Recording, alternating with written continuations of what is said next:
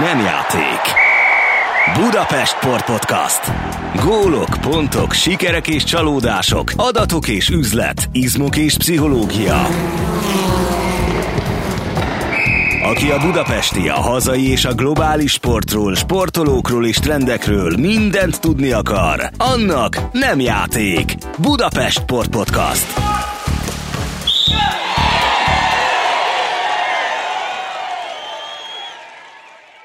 Köszöntjük a hallgatókat, én Simon Andrea vagyok. Adásunkban ezúttal a magyar-amerikai foci lesz a téma, a sportág evolúcióját és mindent, amit tudni érdemes Kovács Sándor egykori játékossal, televíziós szakkommentátorral, válogatott edzővel, illetve Csellen Ádámmal, a Magyar-Amerikai Futballszövetség sajtófőnökével beszéljük át. Sziasztok! Hello! Hello. Ja. Melyikőtöknek mi az első kapcsolódási pontja a sportákhoz? Ki, hogy és mikor csöppent bele ebbe az egészbe? Engem 91 körül engem na, csúnyán összetört a régi kamabosztos társaság. Ugye 1991-et írunk, 14-15 éves fejjel lementem a kábelgyár pályára, nagyon kedves barátom vitt le, és, és beálltam, és összetörtek. Tehát az első kapcsolódásom nekem ott volt, és akkor nagyon-nagyon megutáltam ezt az egészet, mert nagyon fájt minden. Mert akkor egy nagyon-nagyon jó kis Budapest Cowboys volt már akkor az amerikai focinek a térképén, és de, de hát idősebbek voltak nálam, kihasználták azt, hogy ők mindent tudnak a, fociról, én meg akkor nagyon semmit. Nagyon-nagyon fájt, bőgő mentem haza, és utána én, én, én, később kapcsolódok be majd újra az amerikai foci életbe, 2003-2004 tájékán, úgyhogy nekem ez volt az első kapcsolódásom a sporttal, de a konzolos játékot nem említem, mert az a rengeteget játszottam, csak annak semmi köze nincs most a rendes amerikai focival. Ádám, neked? Hát nekem egy, egy picit az időben tovább kell haladnunk, mint a, mint a Sanyinál, ugye a 2000-es évek eleje, és akkor is kizárólag a, a képernyőn keresztül találkoztam én az amerikai focival, tehát az, hogy itt Magyarországon van ilyen, és ez működik, és lehet játszani, hát én ebbe az egészbe akkor kapcsolódtam be, amikor, amikor a Digi Sport elkezdte közvetíteni a magyar bajnoki mérkőzéseket, és akkor utána voltam olyan bátor, nagyon kevés alkalommal, hogy én is beöltöztem, és engem annyira nem törtek össze, hála Istennek, mert vigyáztak rám, de azért néhány ujjam nekem is bánta azt, hogy megpróbáltam megismerkedni a sportággal úgy is, hogy tényleg akkor labdát ragadtam. Sándor, a, a hőskorban ez az egész, ez, ez hogy nézett ki? Hogy edzettetek? Honnan tudtátok, hogy mit kell játszani? Hát azt se tudtuk, hogy van ilyen. Tehát azért ez nagyon-nagyon fontos elmondani, és tök őszintén, hogy ez ilyen, ilyen nagyon önszerveződő dolog volt. Én mondom, nekem az az egy tapasztalat, az, az nagyon meghatározta. Én inkább ilyen hallomásból tudtam akkor a nagyon kedves barátom, hogy ez miről szól. Mutatott nekem tök érdekes, hogy így visszagondolva eh, playeket az offense eh, playbookjukból ez fogott meg igazából, hogy le van rajzolva, és akkor mondtam, hogy ilyet már láttam, mint hogyha valamilyen konzolos játékon nagyon hasonló robot figurák játszották volna ezt a játékot, de hát ott is összetörték a robotokat, és amikor lementem, én akkor azt gondoltam, hogy én tök jó leszek ebben, és nagyon érdekes volt, mert nem volt mindenkinek felszerelése, és akkor így egymástak adogatták a sisokot meg a válvédőt, éppen aki a pályára került, és amikor pont rám került, akkor engem nagyon, nagyon csúnya. Azt sem tudtam, hogy mit kell csinálni, de teljesen őszintén, nagyon-nagyon, nagyon-nagyon furcsa volt. Én meg, ha jól emlékszem, és nem szeretném ledegradálni az akkori defense, de, de a srácok pontosan tudják, hogy általában az volt, hogy emberfogás, ütöd, vágod, nyírod, kész, és akkor akit tudtak, ledaráltak, és, és mentek, és zúzták egymást. Szóval én azt hiszem, hogy akkor főleg az a, az a csapat az inkább a, az itthoni éppen megforduló amerikai szakemberektől kezdett el tanulni, úgy szakemberektől, hogy akik mondjuk a éppen a nagykövetségről jöttek ki tengerészgyalogosok, vagy, vagy éppen valami oknál fogva volt valamilyen kötődésük a sporttal, ők tudtak itt segíteni ezekben a különböző játékokban, és mellette meg egy, egy borzasztó jó fizikális állapotban voltak ezek a srácok, tehát az tényleges, tehát hogy ők nagyon-nagyon fel voltak arra készül, hogy itt, itt tényleg minden héten háborúban pusztítani kell. Az, hogy mellé nem kaptak olyan olyan elméleti anyagot, ami akkor, akkor lehet, vagy ami már most van, de hát ez se az a szint, amiről, amiről azért mondjuk az egyetemen dolgoznának, hogy lényegesen kevesebb, akkor abból főztek, ami van. És mondom, ez nagyon-nagyon jó példázza, hogy, hogy szerintem az, hogy, hogy az, hogy pontosan mikor volt felszerés, hogy hány felszerés volt akkor, és mondom, nekem ez, ez inkább az első, ez csak hallomásból van meg, inkább az a, sajnos ennek, a, ennek az időszaknak, ez a hőskornak a pont a pénztelenség és az érdektelenség miatt ugye vége szakadt, és utána valahol a, a Sport TV kapcsán, amikor az első közvetítés elindult, utána rá egy fél évre alakultak meg a, a budapesti farkasok, és ott, ott vannak olyan kapcsolódó dolgok, amiről igazából a korábbiakról is tudok még mesélni, csak, csak azt gondolom, hogy nem lennék abites, mert mondom, egyetlen egy edzésen voltam, a srácok nagyon sok minden, ma rengeteg sztorit hallottam, de, de azt gondolom, hogy én, én azt, azt tudom elmondani, hogy én a mai napig felnézek ezekre a srácokra. A válogatottban nagyon sok olyan, olyan kollégám van, akik, akik még akkor kezdték el annól, sőt, vannak még ketten olyanok, akiket ismerek, akik még mai napig játszanak is, és ők négy évvel idősebbek nálam, tehát ezért így, így ha ki tudják tolni 50-ig, az azt hiszem egy óriási dolog itt ebben a sportban Magyarországon. Ádám, hogyha a sportági evolúció legfontosabb mérföldköveit vesszük, akkor miket sorolnál, vagy sorolnátok ide, tehát te is nyugodtan Szájbe Sándor. Ha már ennyit említette a Sanyi, hogy kik voltak azok. Pacuklacit mindenképpen érdemes megemlíteni, mert hogy az első Abszolút. labda az övé volt az országban, Igen. tehát hogy akkor is, akkor ismerkedett meg. Az első és egyetlen labda. Sőt, utána a második is az övé lett, és azt már Gráciréknek, aki a mostani szövetségkapitány, és egyébként a szövetség alelnöke neki továbbadta, Boda Gabi is ott volt, aki azóta a szövetség elnöke, és ebből a hát baráti társaságból lett, azért egy picit árnyalnám, amit a Sanyi mondta, tehát hogyha szeretnénk rábeszélni a szülőket, hogy a gyerekeiket engedjék le, ezért nem mindenki törnek össze. A Sanyit igen, de engem Jó, de hát ez a 90-es évek. És nagyon sok gyereket tudunk, aki, aki túlélte ezt, tehát hogy edzése érdemes lemenni, tehát aki szeretné kis próbálni ezt a sportágat, az nyugodtan. Tehát Jó, ez nem... most egy népszerűsítő podcast, csak kérdezem, hogy... Mert akkor teljesen máshogy beszélek, jó? Tudod, Sanyi, az, az sem árt, hogyha ha van bázisa a magyar-amerikai futballnak, hát tehát azért nálunk nem, nem mindenki kezdi el öt évesen, de nagyon sokan fejezik be 50 évesen, tehát azért nálunk szerintem Tom Brady a maga 43 évével fiatal csikónak számít, nem?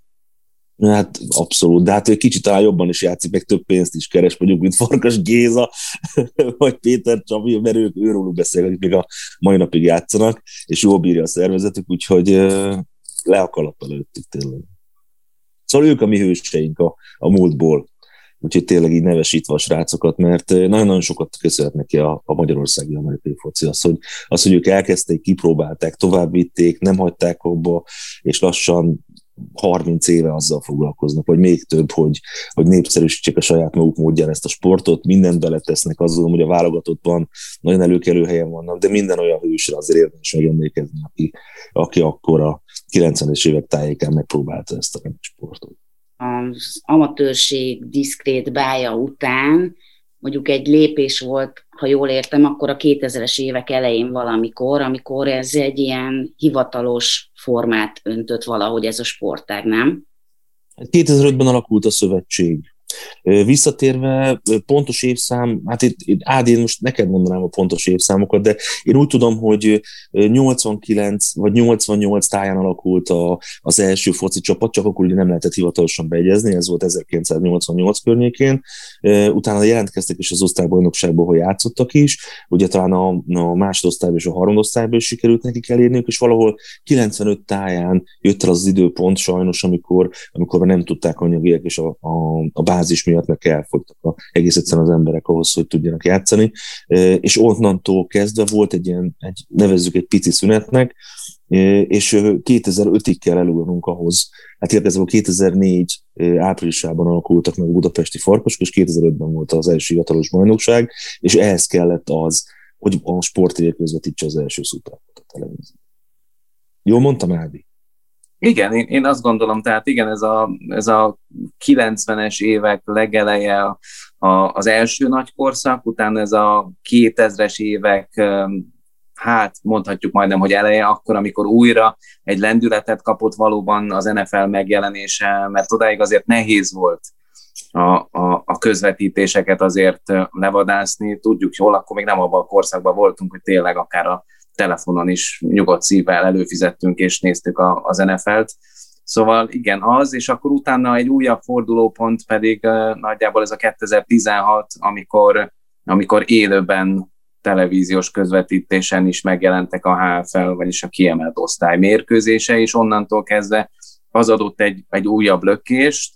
Tehát beszéltünk arról, hogy amatőr, ez továbbra is egy amatőr dolog, a profi körítés, én azt gondolom, hogy ezt, ezt érdemes, meg hát a, a profi mentalitás és hozzáállás. Tehát, hogy tényleg nem, nem feltétlenül kell csak a HFL csapatokat megemlíteni, hanem, hanem az összes. Tehát a Divízió egy Divízió kettes csapatokra is nyugodtan bárki ránézhet, az edzéseket ugyanolyan tisztességesen végzik a srácok, és áldásként tényleg az fontos, hogy, hogy ezt mindenki munka mellett végzi, vagy ha fiatalabb az ember, akkor tanulás és munka, vagy csak tanulás mellett, szóval, hogy, hogy nagyon sok időt elvisz, elvisz a, a, a családtól és minden mástól, tehát sokat kell áldozni azért, hogy az ember itt, itt játszhasson. Tehát nem az van, hogy akkor elmegyek az egyetemre, ott ha jó vagyok, akkor majd a drafton vagy a draft után bekerülök az NFL-be, és akkor hú, de jó, mert amit előtte sok évet rááldoztam, az utána majd dollármilliókkal kompenzálódik. Hát itt ez nincs. Itt az, hogy a nézők, amikor vannak, akkor, akkor tényleg szurkolnak, amikor a válogatott sikereket ér el, mindegy, hogy itthon vagy külföldön, tényleg azért most már nagyon-nagyon sok teltházas mérkőzésen vagyunk túl az MTK stadionban, úgyhogy szerintem ezek csodálatos dolgok, tehát hogy, hogy, hogy még engem is panolnak, aki ott van a pályán a többiekkel, de ugye nem játszom. Na most az egy ilyen plusz élmény tényleg, amikor több mint 5000 ember üvölt, és, és úgy, úgy, utána úgy hallgatod a himnuszt, és úgy játszol, és úgy győzöl. Sándor, amikor te űzted még a játékot, te sem tudtál megélni belőle? Nem, nem, nem. Hát itt én azt gondolom, hogy Magyarországon most már vannak olyan vannak olyan külföldi játékosok, akik kapnak ezért pénzt, tehát akik, és ráadásul munkát is kapnak mellette, tehát egy ilyen nagyon, és mellett egy ilyen tanító szerepet, vagy egy edző szerepet is be, játszanak a csapatnál, ha nem csak a felnőtt csapatot segítik, hanem a junior korosztályt is, tehát az a bázisnak a kiépítésében ez, ez nagyon-nagyon jól működik, de itt tényleg mindenki, tehát itt, itt mi azért fizettünk, hogy összetörjük egymást. Felszerelést magadnak vetted, most nem mondom, hogy a biztosítást magadnak fizeted, mert nem volt biztosításunk, tehát hogy rengeteg sérülés volt. Tényleg csak azért, mert a büszkeség miatt mentünk ki. Tehát, hogy, hogy valahogy az, hogy, vagy egyáltalán játszhatunk ilyet, hogy, hogy ebben a cuccban egy kicsit ilyen sértetlen robotzsarúnak érzed magad, és, és az, hogy akkor átütsz a másikon, mint az állat, de föl kell utána, és akkor jó, akkor még keményebben, és akkor, akkor is fel kell. Tehát, hogy, úgy, hogy egy picit azt érezted tényleg, hogy, hogy bármit csinálsz a pályán, és a jó szó jó értelmében, az, az a másik az ugyanúgy bírja. Tehát te is kapta ütéseket, te is adta ütéseket, de, de, de az, hogy pénzt kapott volna érte valaki, hát edzői közösségben már vannak ilyenek, illetve mondom, mondom külföldi játékosok, akik kapnak érte honoráriumot. De, ez is szerintem egy két-három éve gyűrűzött betartósan a magyar amerikai futballban. És még egy nagy mérföldkörül szerintem azért érdemes beszélni, az pedig a válogatottnak a megjelenése a nemzetközi porondon. Az első pár lépések, főleg a cseheknél, amikor kikaptunk, illetve Magyarországon játszottunk az első, de kikaptunk a csehektől, az egy picit visszavetette a dolgot, de, de azóta azt gondolom, hogy elég jó szériát futunk. Úgyhogy reméljük, hogy lesz a pandémia után folytatása ennek a nagyon jó kis csapat. Hogyan érintette a COVID a sportágat. Ugye itt lett volna, ha jól tudom, az egyetemi világbajnokság, Így van. és az Európa-bajnokság B csoportjában érdekelt a magyar válogatott, ahol eddig két győzelemmel áll, és még két meccse van hátra. Igen, egy van egy idegenben.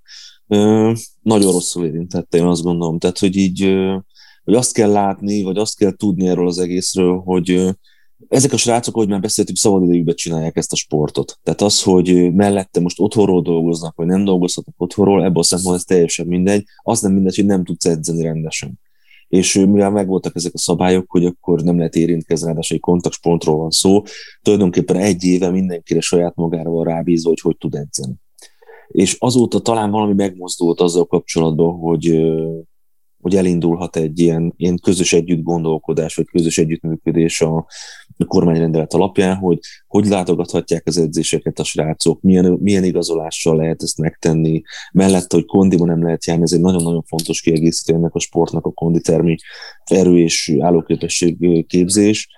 Szóval én nagyon félek, nagyon, inkább azt mondom, nagyon bízom abban, hogy hogy nagyon nem vetette vissza Magyarország amerikai focit. Látva azt, hogy ki kellett hagyni egy évet, ez, ez azért nagyon-nagyon sokat jelent. Egy, egy olyan játékosnak a számára, akinek mondjuk ebben a sportban Magyarországon van 10-11 éve, abból ha lehúzunk akár egy vagy két évet, nagyon nehéz a motivációt ilyenkor megtalálni hogy visszatérni egy újra az a régi kerékvágásba, vagy ha, vagy ha munka mellett, vagy a munkán kívül, vagy hogy bármilyen megtaláld magad újra, amiben, amiben korábban jó voltál.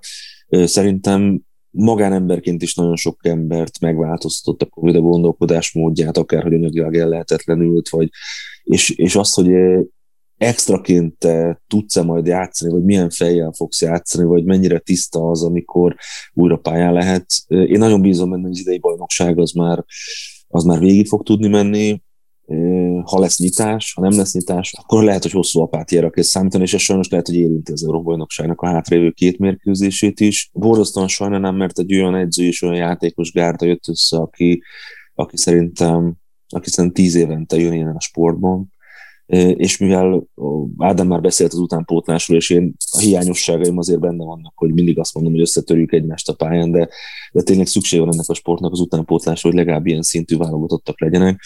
Azért, hogy mivel nem tudunk olyan akkorát meríteni ebben a sportban, ezért tényleg mindenkire szükség van. Az, hogy mikor lesz ilyen szintű válogatottunk újra, ha most húzamosabb ideig a Nemzetközi Szövetség nem tud, vagy nem, nem, nem adják meg a körülmények, akkor, akkor remélem, hogy nem, nem tűnik el a sport a, a, sem a válogatott palettáról, sem pedig az itthoni sportpiacról. De nagyon-nagyon rosszul érint minket. Ádám, te ezt a részét hogy látod?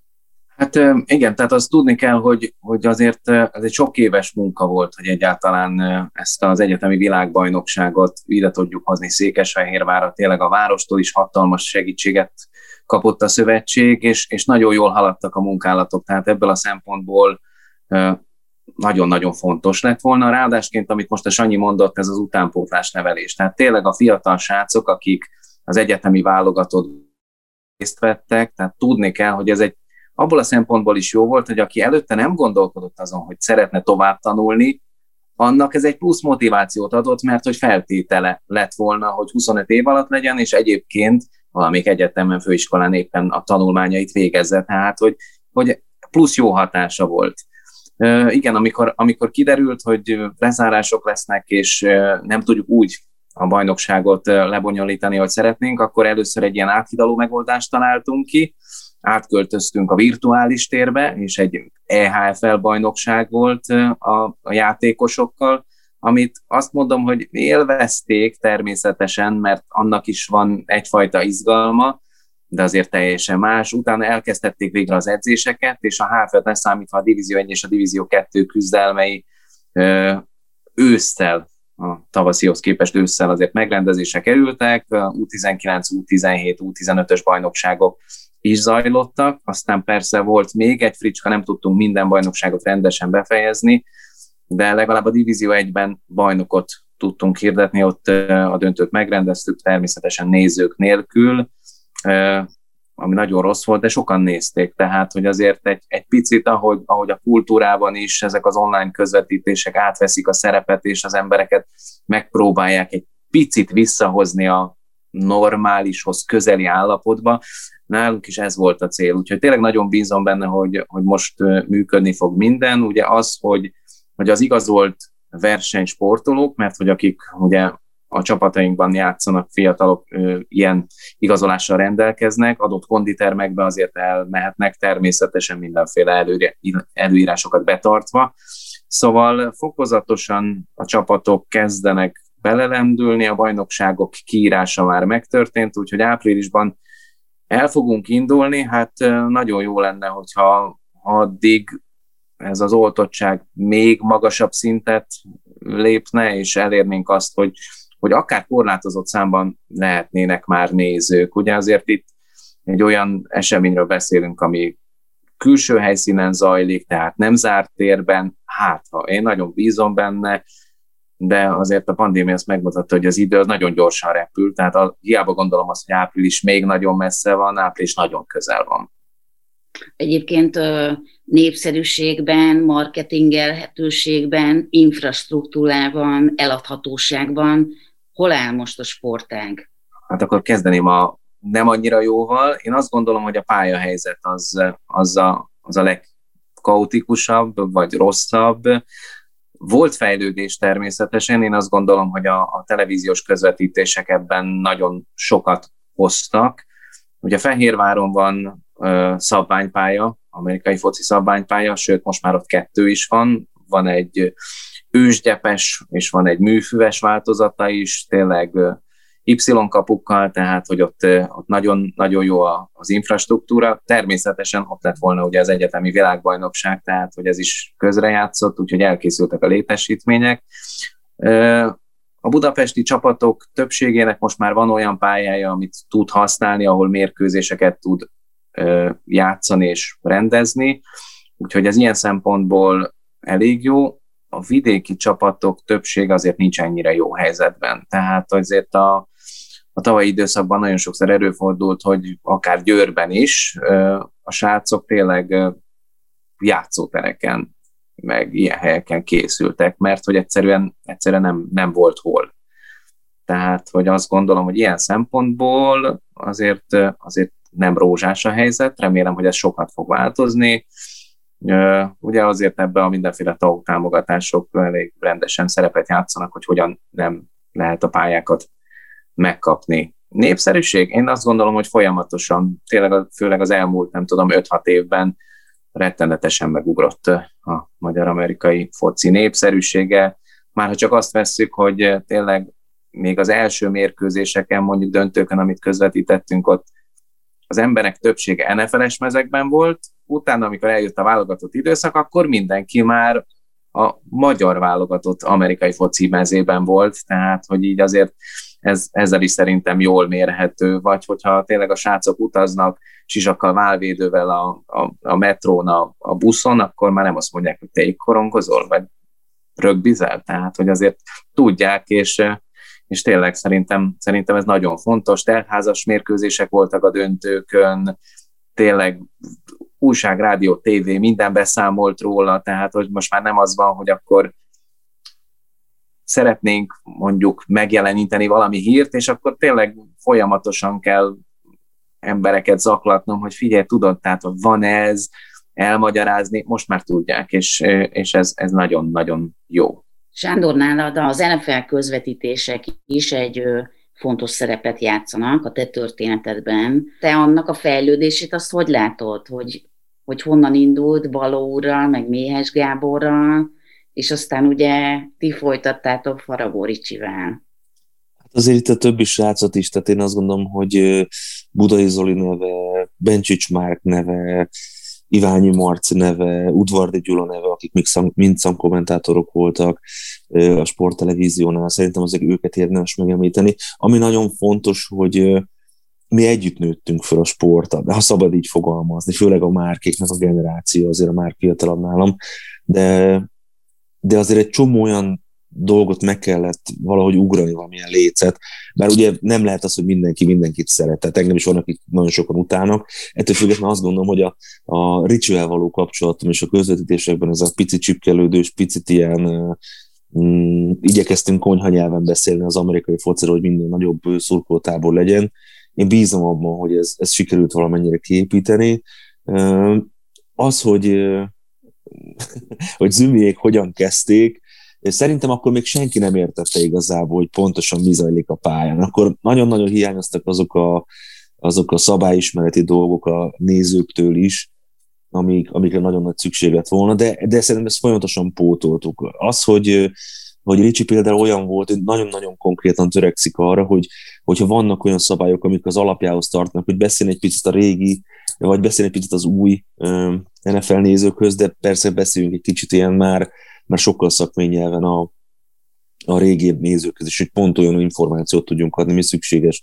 És van, aki egész egyszerűen kinőtt abból, hogy őt már nem érdekli az, hogy, hogy három próbálkozás van, és tíz adott lehet megtenni, és a negyedikre általában elrúgják a labdát, mert ugye négy próbálkozás lenne hivatalosan, de, hogy, de, de ezek így valahogy hozzátartoztak. És akkor így az elején próbáltunk csöpögtetni információt, vagy amikor én mondtam, egy picit ilyen szakmai elemzésben mentem be, akkor mindenki nagyon furcsán nézett, és a vezérlőből is kaptam információt, hogy Sanyi ezt nem kéne ennyire túlbonyolítani most meg már azt látom, hogy a mostani rétének már semmi se elég, már mindenki óriási amerikai foci szakértő Magyarországon, mindenki tökéletesen tisztában mind a csapatok anyagi helyzetével, mind az edzésekkel, a playbookokról nem is beszélve, milyen tendenciák, hogyan, ki mennyit ér. Szóval nagyon nagyot fordult a világ, és nagyon nehéz megfelelni egy televíziós, köz, televíziós közvetésben azoknak az embereknek, akik éppen most csöppennek bele, vagy akik már nagyon expertnek számítanak. Úgyhogy Szerintem nagyon-nagyon szép utat jártunk be. Remélem, hogy lesz még módom közvetíteni amerikai foci meccset is, mert ugye elkerültek a Sport TV-ről, és az Arena igen közvetítik a mérkőzéseket, de ettől függetlenül azt gondolom, hogy ott is olyan szakértői gárda van, akik, akik próbálják továbbvinni ezt az utat, és én nagyon-nagyon bízom abban, hogy, hogy, hogy ebből a ebből a bázisból, aki néz minket, aki hallgat minket, vagy aki hallgatja azokat a srácokat, abból lesz egy olyan generáció, akik nem csak beszélni szeretnek róla, nem csak, nem csak nézni szeretik ezt a dolgot, hanem ki is próbálják. És itt megint visszakapcsolódok akkor a, hogy mekkora merítés és hogyan tudunk ebből dolgozni, hogy hogy iszonyatosan fontos volt ez a, ez a mérföldkő szerintem a sport élete, vagy egyre több háztartásba eljutott a tévé, és egyre többen próbálták ki magukat, egyre több embernek tetszett meg, ahogy ennek a sportágnak a vadsága, és szerintem most már azt is látják benne, akár a válogatott mérkőzésekkel, akár a közvetett HFL meccsen, hogy, hogy a magyar foci hogyan jutott el 10-15 éven keresztül egy olyan szintre, ami közvetíthető.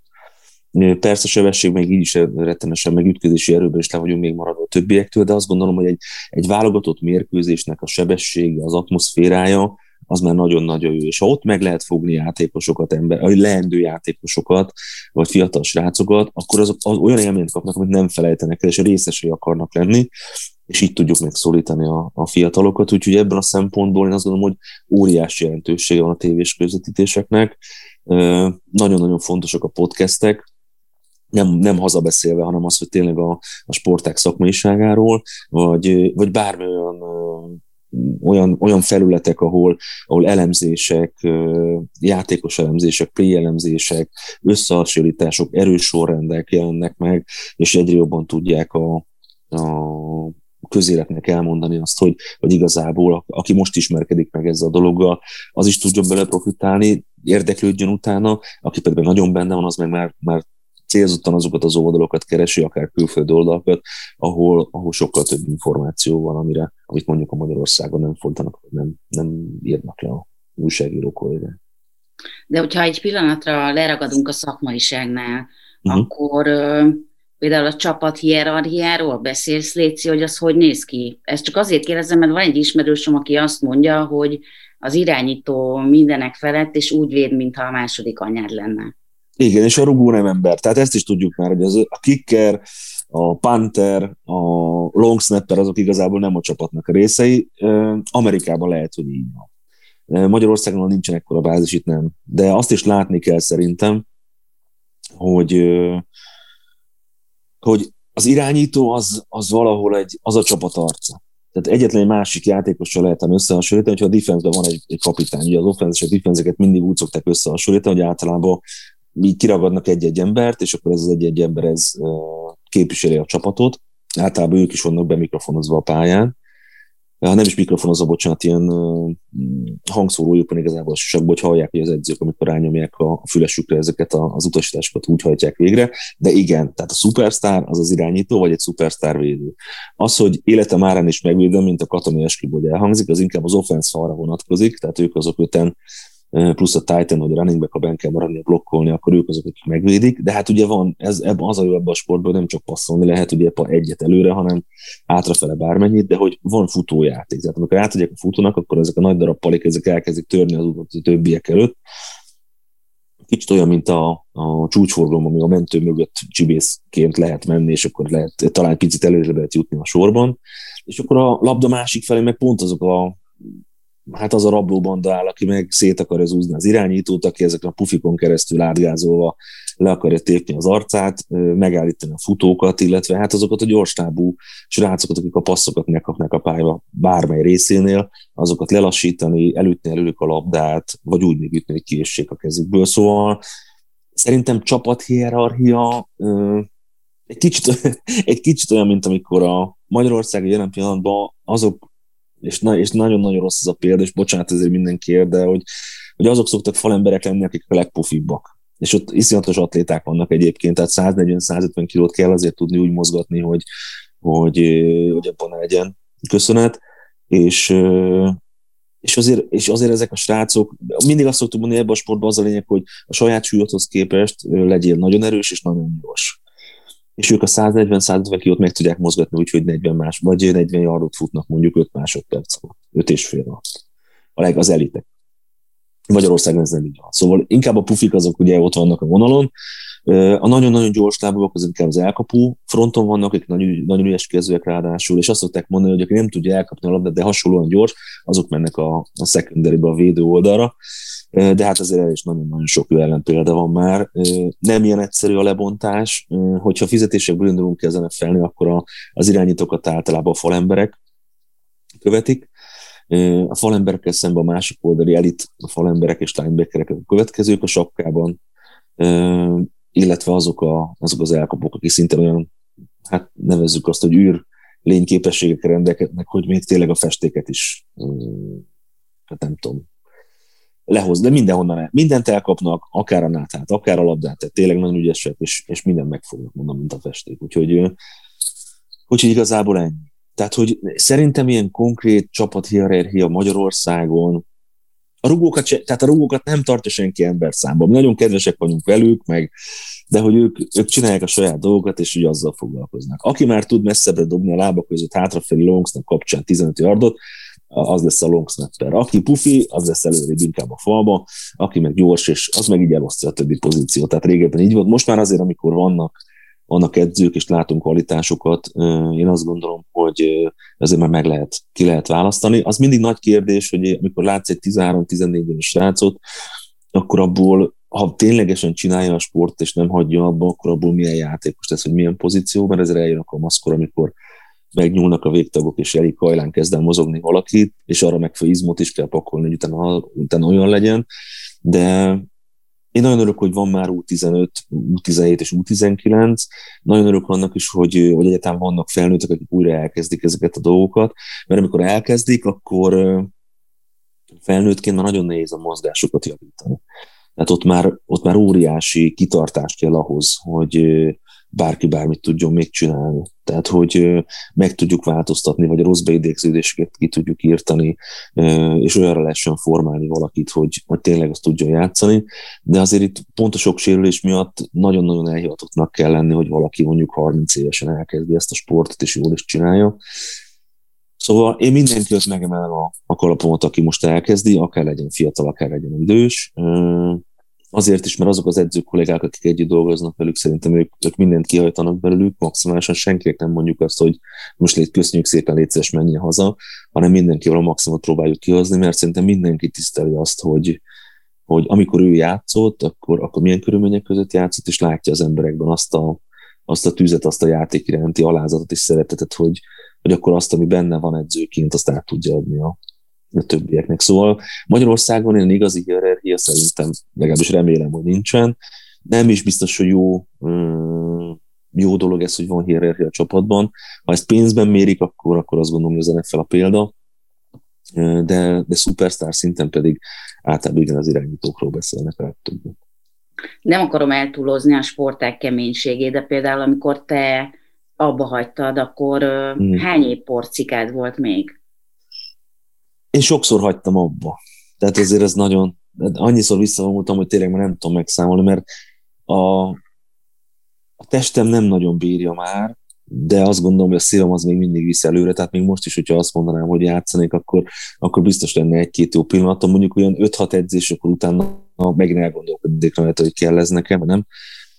Sajnos nagyon sokat sérültem, főleg ezért az, az is benne játszott, hogy, nem, nem igazán csináltam rendesen végig a rehabot, vagy túlságosan korán jöttem vissza, de mindenkinek ajánlom. Tehát az, hogy vannak még mondjuk a, pont a könyököm itt a, a csúcs, az biztos, hogy nem, tehát nem, nem volt sérülés, ha jól emlékszem, de, de a kiugrott váltól kezdve a különböző szakadások és törések azért nekem el. De mondjuk azért, mert én, én használtam is egyrészt a testem, másrészt meg a, a falban azért elég sokat kap az ember, tehát ott azért, amikor hátulról ráesnek, azzal nem tudsz mit csinálni, mivel nagyon dinamikus sport és nagy súlyt kell mozgatni, ezért azért benne van az is, hogy, vagy nem megfelelően vagy felkészítve, az is, hogy, hogy túlerőlteted magad, vagy valami olyan dolgot csinálsz, amit, amit az elején nem, nem tanultál meg, vagy nem jól tanítottak meg.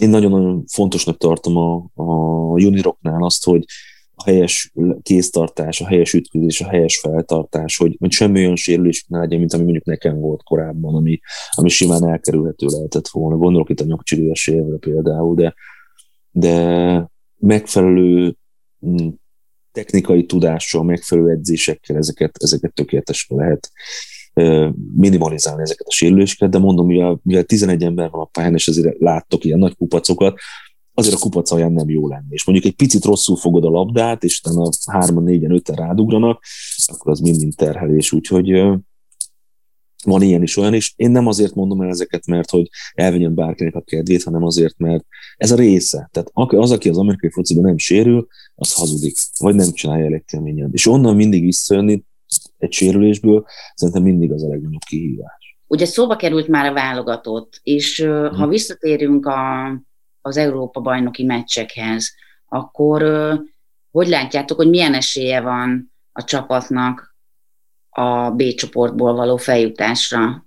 Ja, akkor kezdem ilyen kvázi szurkolóként. Azt gondolom, hogy maximális esélye van. Tehát, hogy én abban a szerencsés helyzetben voltam, több magyar szurkolóval együtt, hogy ugye Belgiumban is kint voltam a mérkőzésen, nem csak a, az MTK stadionban a spanyolok ellen, és szerintem mind a két találkozó az olyan volt, ahol nem nagyon volt kérdés az, hogy melyik, melyik csapat a jobb, én azt gondolom. Tehát, hogy tényleg, amit a Sanyi még az elején mondott, hogy, hogy most úgy összeállt az az egész, mind az edzőket tekintve, tehát azt gondolom, hogy tényleg Grácvili munkája nagyon-nagyon jól beért. Tehát tényleg megtalálta azokat az embereket, mint Kovács István, mint pedig Pacuk Laci személyében, vagy Iványi Marci, hogy tényleg csak a koordinátorokat említsem, védelemtámadás és a special team, hogy, hogy tényleg mindenki, mindenki maximálisan oda teszi magát. Ugye itt is az edzők azért hát ezt hobbi szinten űzik továbbra is, a játékosok, amellett, hogy a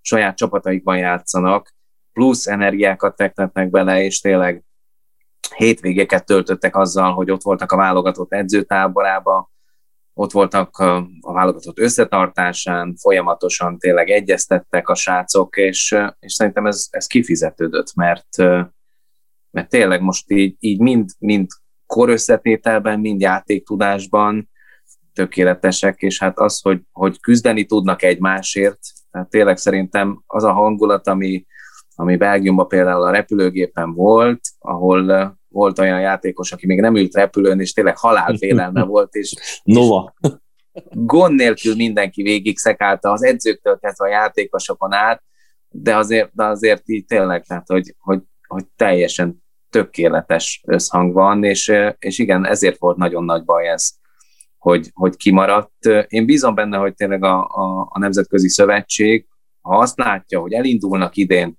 tavasszal a, a nemzeti bajnokságok, és biztonsággal meg lehet rendezni a mérkőzéseket, akkor, akkor remélem, hogy őszre talán eljutunk oda, hogy akkor befejezzük ezt. Mert az lenne az igazi, hogyha be tudnánk fejezni. Tehát ha most újra kellene ezt az egészet kezdeni, és ott maradnánk a B csoportban, azt, azt hiszem, hogy, hogy annál ez a magyar válogatott sokkal jobb, mint hogy a B csoportban legyen. Tehát szerintem simán átcsoportosak vagyunk. Sanyi? Egyetértek. Abszolút egyetértek. Abszolút. Én minden válogatottnál ott voltam, vagy defense faledzőként, vagy offense faledzőként, és nagyon sok mindent láttam már ezekből a srácokból, nagyon sok embernek a, az életútját is végigkövettem, de azt hiszem, hogy ez az a válogatott, amire, amire mindenki nagyon büszke lehet, játékosok, edzők, szülők, szurkolók, minden szempontból. Eh, ahogy Ádi is mondta, nagyon a helyén van a csapat, nagyon jó kis összetartó dolog, van még talán négy-öt olyan ember, aki, aki simán odaférhetne a válogatottba, tehát azért van egy kicsit ilyen posztonkénti hajtás, hogy ezt még jobban kell csinálni, de, de a legjobb válogatott, amit láttam az elmúlt évek során is, és nagyon-nagyon félek attól, hogy hogy ebben van egy hazai mérkőzés, amit még úgy, ahogy meg lehetne rendezni, de van egy, van egy törökországi út, amit én nem látok még magam előtt, hogy ez hogyan lehetne a nemzetközi dolgok miatt megcsinálni vagy milyen szabályok kellenek, vagy milyen átoltottság, vagy milyen dolgokkal kell rendelkezni. Nem tudom, hogy milyen döntés hoz a, a Nemzetközi Szövetség. Én abban bízom nagyon, hogyha ugye tavaly évben lettek volna már ezek a mérkőzések, hogyha ebbe az évben sikerül megrendezni legalább az egyiket, akkor nem veszik el az eredményeket, mert nagyon félek attól, ugye két évente vannak ezek a B csoportos Európa bajnokságok, és ha most elterik a két év, akkor lehet, hogy azt fogják mondani, hogy akkor, akkor csináljuk újra az egészet, és, és az már nem olyan. Akkor már láttak rólunk videót, akkor már látták, hogy mire készüljünk, a srácok nem lesznek fiatalabbak, úgyhogy egy picit van bennem félelem, de ettől függetlenül nagyon jó minőségű gárdának tartom, tehát akkor azt sem tartom kizártnak, hogyha ha mondjuk jövőre újra kell kezdeni ezt a dolgot, akkor ezzel a gárdával ne tudnánk ugyanezt megcsinálni. Csak hát itt mindig az a kérdés, hogy, hogy az az idő, ami, ami eltelt a válogatottaknál, ők ténylegesen mennyit tudtak edzeni. Mert azt tudjuk, hogy a pályán szinte alig, független attól, hogy a, a HFRS csapatok lementek a Divízió 1 és ott játszottak. Mégsem olyan volt a felkészülés, mint egy normális euróbajnokságra, vagy egy, egy normál bajnokságra, de, de azt hiszem, hogyha most valami elindul, és most valaki ténylegesen komolyan gondolja ezt a dolgot, vagy arra készül, hogy, hogy újra tudunk válogatott meccseket játszani, akkor biztos vagyok benne, hogy mindent beletesz. Tehát ideig is azt mondom, hogy mindent megtettek a srácok a szabadtéri edzésekkel, vagy a futásokkal, vagy bármivel, de az nem az, amikor ebben egymást össze tudjuk törni, hogy el tudsz menni egy konditerembe, és súlyokat tudsz rakni a, a gépekre. Úgyhogy én nagyon bízom benne, hogy legalább egy meccset tudunk játszani, és akkor azzal, azzal feljutottunk az átcsoportba. Abszolút ott van a helyünk. Az, hogy mennyire tudunk megragadni majd a nagyok között, az egy teljesen más kérdés, és valószínűleg egy másik generáció lesz, aki ezt majd meg tudja mutatni. De a nagyok között kik mozognak? Ausztria, Németország, Franciaország, az északiek közül a dánok, úgyhogy az a szint, svédek talán még, akik ott vannak, hogy azok közül szerbek, csak most így jutnak be a csapatnak a, a csapatoknak a nevei, szóval ők azok, akik picit keményebbek, picit gyorsabbak, picit agresszívebbek, picit csibészebbek, és ahol mondjuk 70-es évektől óta van szövetség, azok itt vannak a szomszédban az osztrákok, akik nagyon jó példával állnak előttünk, öt különböző divízióba játszanak csapataik, és azért az elit ligában Európa elitjéről beszélünk ténylegesen, tehát a német és az osztrák bajnokság az, aki, aki kitermeli általában ezeknek a bajnokait. Szóval, és ott már nagyon-nagyon jó a financiális háttér is, Úgyhogy ez a követendő példa az, hogy, hogy mennyi pénz lehet majd ebben a sportban, vagy mennyien látják azt, hogy ebben van reális befektetési lehetőség, az megint egy más kérdés, de ahhoz, hogy, hogy újabban, nagyobbat tudjon lépni a sportág, az nagyon-nagyon fontos a külföldi szakembereknek a bevonása. A külföldi játékosok csak egy első lépés, de a külföldi szakemberek, edzők, a különböző kurzusok megtartása, a pályafelszerelés, hogy legyen nem csak Székesfehérváron eh, erre delegált pálya, hanem Budapesten is, vagy, vagy legalább még két-három olyan csapat, ahol, ahol lesz ilyen pályán. Úgyhogy nagyon bízom benne, hogy ez sikerülni fog, és, és a jövő eldönti ezt, hogy mi lesz a sportágnak a sorsa. Ádám, gondolom az is nagyon nagyot lökhetne a sportágon, hogyha mondjuk bekerülhetne a magyar-amerikai foci a látvány csapat sportágak közé. Ti ezért lobbiztok? A szövetség évek óta lobbizik, akár a pályákért, akár tényleg ezért nem tudom, tehát hogy, hogy ezt nagyon nehéz megmondani, hogy mire lenne szükség ahhoz, hogy, hogy, hogy ezt elérjük. Ez egy nagyon-nagyon nehéz feladat. Azért eh, ez a sportág nincs annyira régóta még itt tényleg Magyarországon, mint akár ugye Sanyi említette Ausztriát. Egyébként, eh, ha már beszéltünk ezekről, hogy külföldi edző, külföldi játékos, igen, ez egy nagyon fontos kérdés, és eh, volt volt olyan edzőtábor itt, amit az osztrák bajnokságból érkező edzők tartottak, és azt mondták, hogy ők például Ausztriában nem szeretnék, hogyha ez profi sportág lenne, mert ahogy említette Sanyi, ugye a rugók helyzetét, tehát hogy hogyan döntöd el azt, hogy van bizonyos pénzösszeg mondjuk, és azt miként költöd el. Tehát, hogy ezek, ezek egy ilyen amatőr, félprofi, profi sportágnál tényleg feszültségeket okozhatnának. Tehát, hogy előjönnének azok a problémák, hogy mondjuk, ha, ha valaki tényleg nem játszik oda-vissza, nincs a védelemben és a támadósorban és a pályán, akkor, akkor neki mennyi pénzt adsz? Ha ő kevés pénzt kap, akkor, akkor ő fogja ezt csinálni? Akkor meg mindenki irányító akar lenni, vagy mindenki elkapó akar lenni, vagy nagyon menő védőjátékos, nem pedig rúgó, tehát hogy ezek, ezek ilyen fontos dolgok, és, és azt mondták, hogy náluk sem az, az a cél, hogy ebből profi sportág legyen. Tehát igen, szerintem, ha a pályahelyzet megoldódna, és egy, egy picivel több szponzor lenne ebben a sportágban, ami most a jelen helyzetben, ugye így a, a pandémia után, most már nem arról van szó, hogy a cégek esetleg nem akarják támogatni ezt a sportágat. Nincs miből. Tehát, hogy most, most leginkább majd ezzel fognak szembesülni a csapatok az idei évben, tehát ezért, ezért kell mindenképpen az, hogy, hogy a bajnokság lemenjen, hogy lássák azt a leendő támogatók, vagy azok, akik, mert ilyen is van nagyon sok, akik már évek óta, hosszú évek óta ott állnak a csapatok mögött, helyi kisvállalkozások és önkormányzatok, hogy van értelme támogatni ezt a sportágat, mert tényleg nagyon sok fiatalt meg tudunk mozgatni. Most ugye ez is egy, egy nehézség volt, mert azért korábban az iskolában nagyon sok csapatjátékosa lement, tartottak ilyen edzéseket, azért ez mindig egy ilyen tök különleges érzés. Tehát én emlékszem, amikor először én is válvédőt vettem magamra, sisakot vettem föl, hogy az tényleg, a, amit a Sanyi mondott, hogy ilyen robotzsarú, tényleg egy kicsit ilyen, nem tudom, hirtelen magasabb voltam, izmosabb voltam, és, és legyőzhetetlen. Tehát, hogy tényleg a, a, a srácokat egyébként, ha, ha tudjuk népszerűsíteni így is tornaórákon akár,